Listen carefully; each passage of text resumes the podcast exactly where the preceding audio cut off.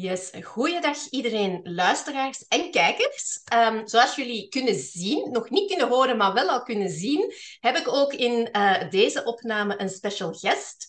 Um, deze keer is dat Caro Vermeer van de Wonderboerderij. Maar Caro gaat zichzelf dadelijk even voorstellen. Misschien nog even duiden voor degenen die de eerste keer kijken of de eerste keer luisteren. Ik ben Vanessa van uh, Zonnekind. Zonnekind is een expertise- en opleidingscentrum met betrekking tot het welzijn van het kind. Dat is een hele mond vol. Uh, kortweg gezegd, um, wij zijn er eigenlijk om kinderen terug te laten stralen, maar ook om um, mensen in het onderwijs en andere professionals die met kinderen en jongeren werken, uiteraard ook um, ja, opleiding te geven, tools te geven om de kinderen en jongeren van nu uh, beter te leren begrijpen en te ondersteunen. En dat was eigenlijk ook nog een mond vol. Maar goed, um, Caro, dankjewel om erbij bij te zijn. Caro is trouwens ook een van de uh, Zonnekind Faalangst Warriors. Maar daar gaat ze zelf ook meer over vertellen, wat dat voor haar betekent. Um, maar goed, Karel, voor de mensen die jou nog niet kennen, wie is Karel? Uh, ik ben uh, dus Caro. Ik ben uh, 27 jaar en ik woon in Merchtem op de Wonderboerderij. Dat is eigenlijk een klein boerderijtje waar ik samen met mijn diertjes en mijn vriend woon. Ehm, ik heb eigenlijk een enorm groot hart voor dieren en kinderen en ik heb eigenlijk van mijn passie mijn beroep gemaakt. Fantastisch. Ehm, en het is eigenlijk uh, zo uh, dat ik ook um, kindercoach ben en equicoach. En ik probeer ook um, dagelijks de diertjes ook wel in te zetten, samen met alle andere dingen die ik gedurende alle opleidingen geleerd heb. En zeker ook in de uh, Warrior training. Um, yes. Nu, je zegt, ik ben kindercoach, maar jij hebt ook in het onderwijs gestaan. Ja, klopt. Uh, ik ben ook kleuterleerkracht. En tot uh, vorig schooljaar was ik ook uh, te werk gesteld in het onderwijs.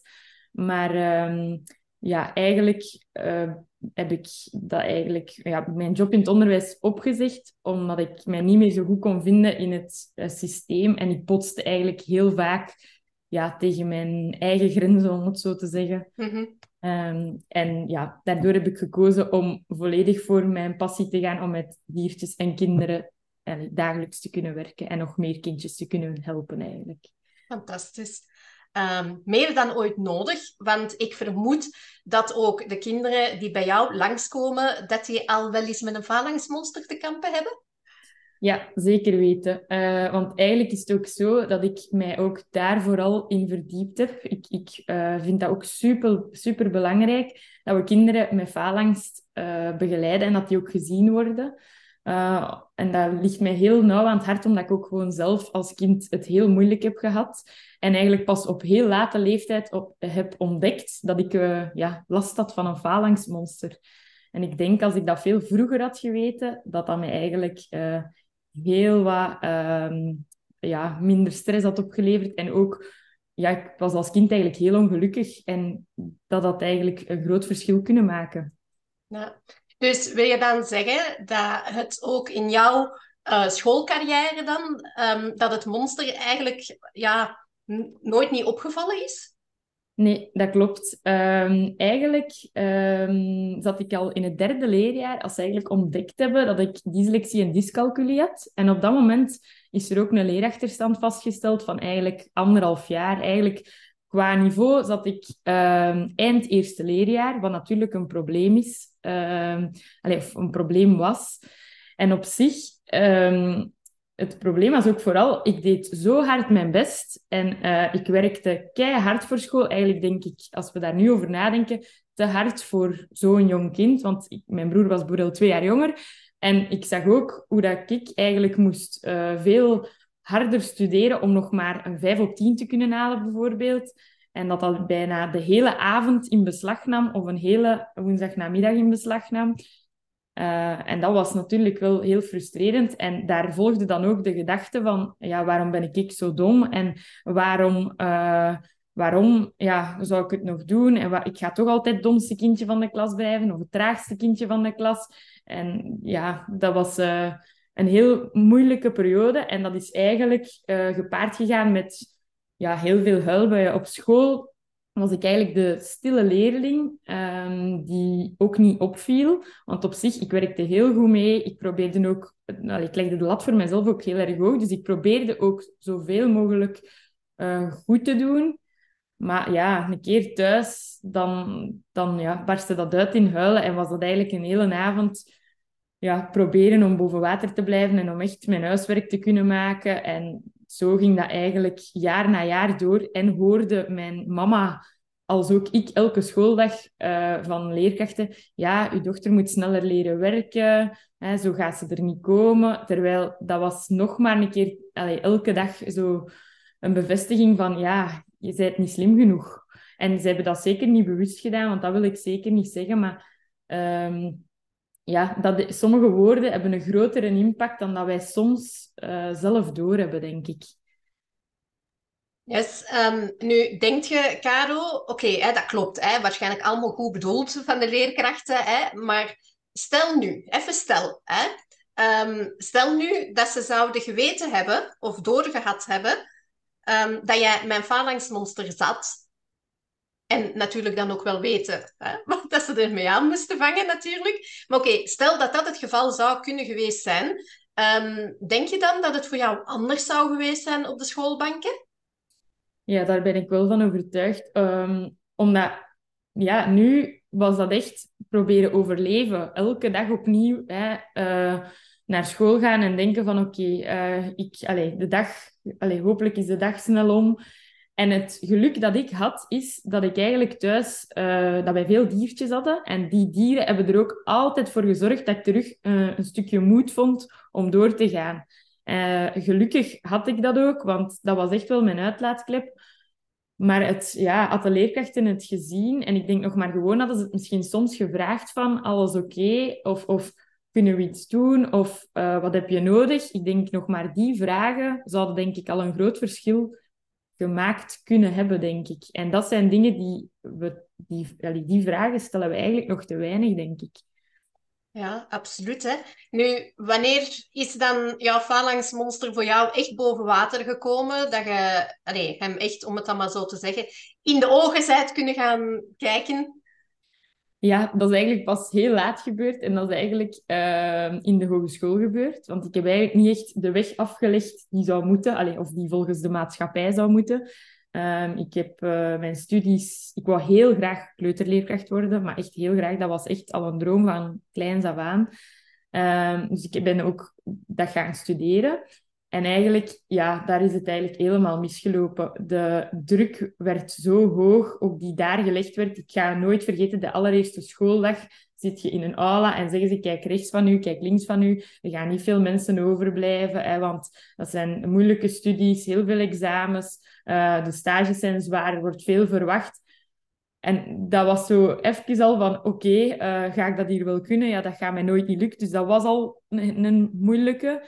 Maar op zich, ik, heb ik, omdat ik dat zo graag wou, heb ik toch doorgezet. Maar daar ben ik spijtig genoeg ook een leerkracht tegengekomen die uh, ook opnieuw weer van mij het, het idee had dat ik eigenlijk juist lui was en juist um, ja, uh, niet gemotiveerd was, um, omdat het mij zoveel moeite kostte om bijvoorbeeld uh, stageverslagen te schrijven.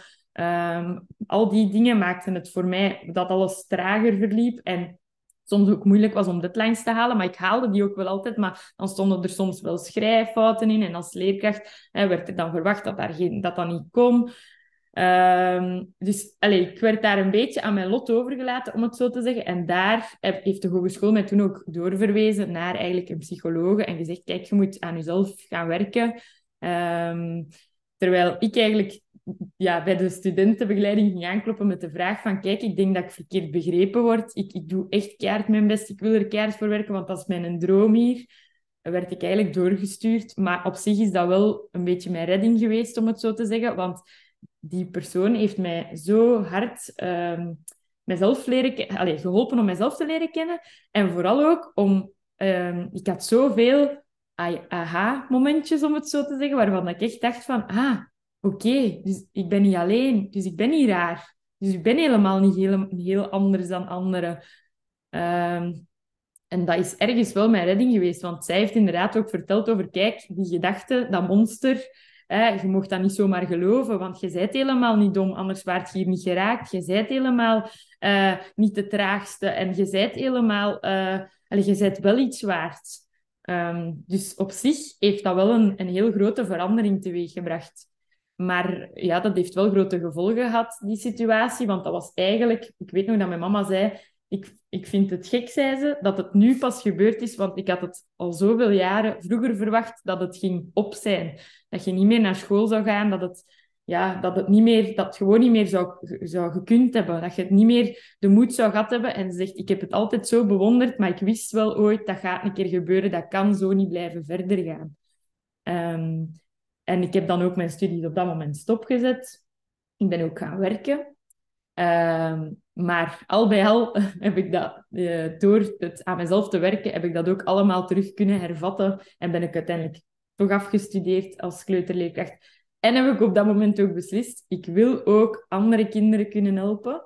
Uh, die ook hetzelfde meemaken. Uh, en dat wil ik heel graag doen. En dan ben ik eigenlijk ook de kindercoachopleiding gaan volgen. En dan ben ik bij u, met u in contact gekomen.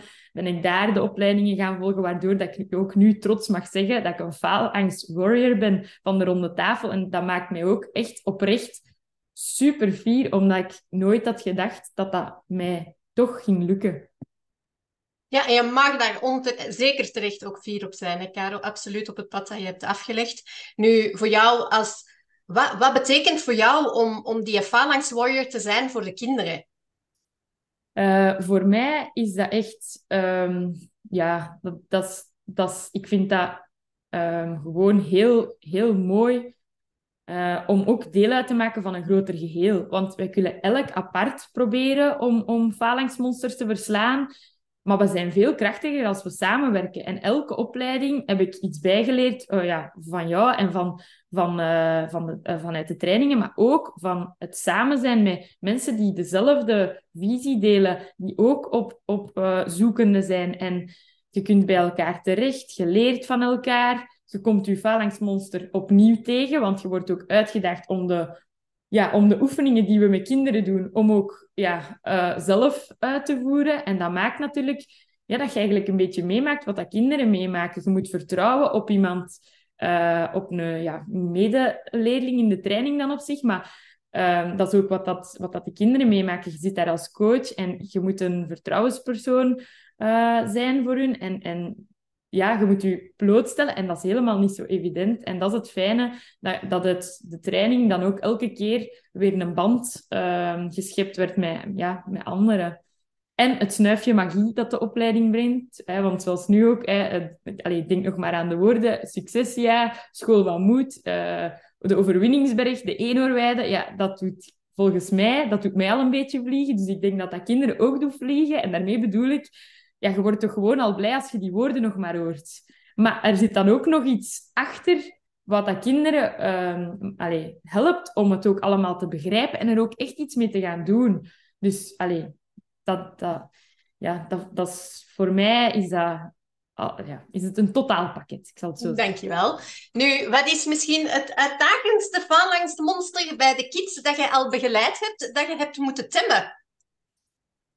Oh, ik denk dat dat eh, een jongetje was. Uh, die zat op dat moment, als ik hem begeleid heb, in de derde kleuterklas. En uh, in de klas werd hij eigenlijk omschreven als koppig en niet meewerkend. Uh, hij speelde ook altijd in dezelfde hoekjes, eigenlijk. Hij, hij, ging, echt niet, hij ging eigenlijk geen uitdaging aan, hè, wat dat dus, ja, waardoor dat hij heel wat kansen misliep. En uh, op een bepaald moment zijn die ouders bij mij komen aankloppen, omdat het was een jongen die heel graag voetbalde. En op het moment dat hij ook daar aan de zijlijn bleef staan en eigenlijk niet meer ja, durfde voluit te voetballen, dachten ze van oké, we, moeten, uh, we moeten toch iets ondernemen. En ik weet nog helemaal in het begin, als dat jongetje bij mij kwam, de eerste sessies antwoordde, beantwoordde hij alles met ja en nee. En verder kwam er ook niks.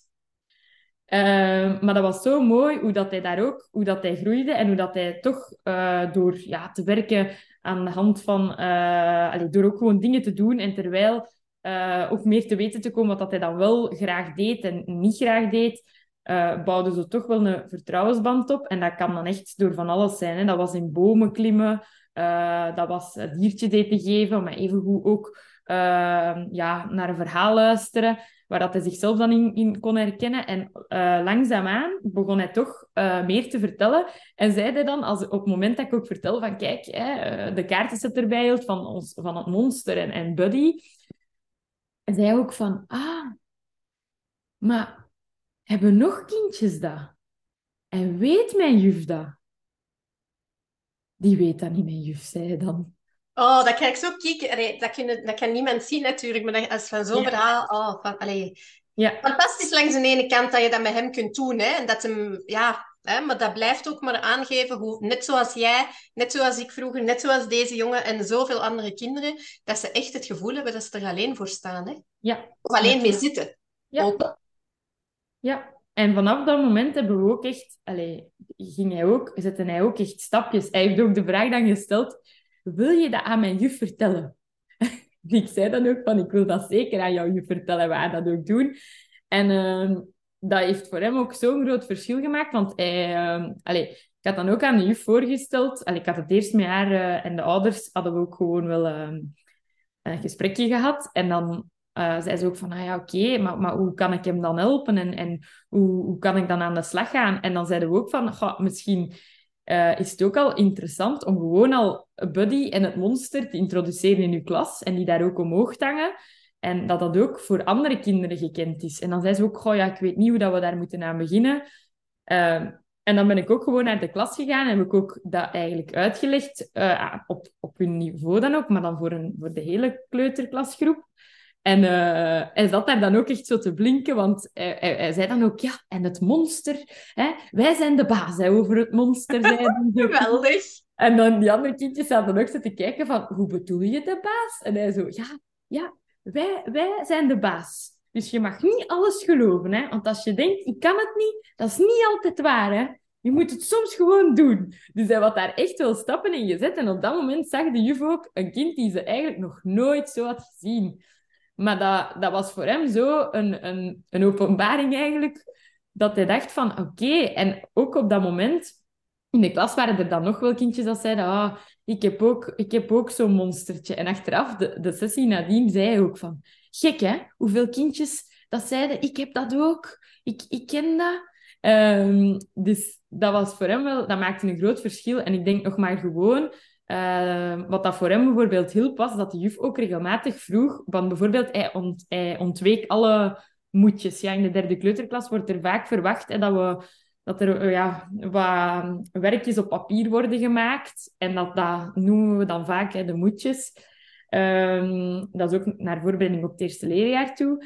Maar hij maakte dat dus nooit. En vanaf dan zei de juf ook van, kijk, allez, ik snap nu waarom dat je dat ook moeilijk vindt. Hè, want hij was eigenlijk heel bang. Hij zei altijd van, ja, ik ga fouten maken en, en dan, ga je boos, allez, dan gaat de juf boos zijn op mij, want ik kan dat helemaal niet. Um, dus die gedachte was ook zo groot. En nog maar gewoon door zijn monster eigenlijk, hij had dat dan getekend. En ook zijn buddy, dus het, de, degene die ons hè, aanmoedigt met goede gedachten, die nam eigenlijk mee naar school en die werd dan naast die moedjes gelegd. En de juf ging dan ook naast hem zitten, zo was het in het begin. En dan zei ze ook van, ah, ik zie dat uw monster begint te praten, hè. Maar we gaan, we gaan hem omdraaien, uw monster, en we gaan naar Buddy proberen luisteren. Hè. Wat zou die nu zeggen tegen jou? En hij is eigenlijk, ik zei het al daar straks, hij is een enorme voetbalfan. Hij is een enorme fan van Mbappé. Dus zijn buddy noemde ook Mbappé. En als wij ook nog maar gewoon tegen hem zeiden van... Wat zou Mbappé nu zeggen tegen jou? Dan kon hij ook echt zo zeggen dat ik het kan. En dat ik moet geloven in mezelf. En gewoon proberen. En we zien wel.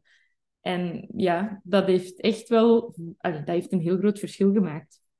Mooi en allee, fantastisch om dat zo te horen. En natuurlijk ook een pluim. Hè? Misschien luistert de leerkracht, wie weet. Hè? Of kijkt ze wel mee. Maar dus in dit geval ook, allee, hè? mogen we ook wel doen. Hè?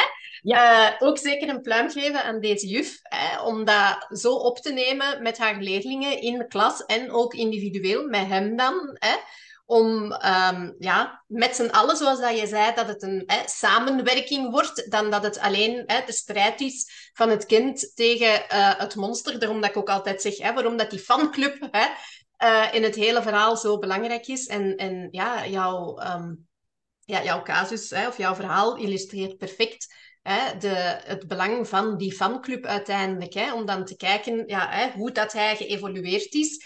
En inderdaad, um, zijn phalanxmonster is goed, uh, goed getemd heeft. Hè. Nu, natuurlijk, we hebben het er al een beetje over gehad. Ja, phalanx wordt vaak nog niet genoeg, ik zal mij voorzichtig uitdrukken, nog niet genoeg opgemerkt um, in het onderwijs. Jij hebt daar nu zelf al heel wat opleidingen uh, rond gedaan, hè, ook als warrior. Maar ja, hoe, hoe vind jij dat de opleiding um, ja, een, een verschil ook kan maken, zowel voor de leerkracht als voor het kind? Want ik vermoed dat sommige mensen daar nu misschien hè, met die vraag zitten.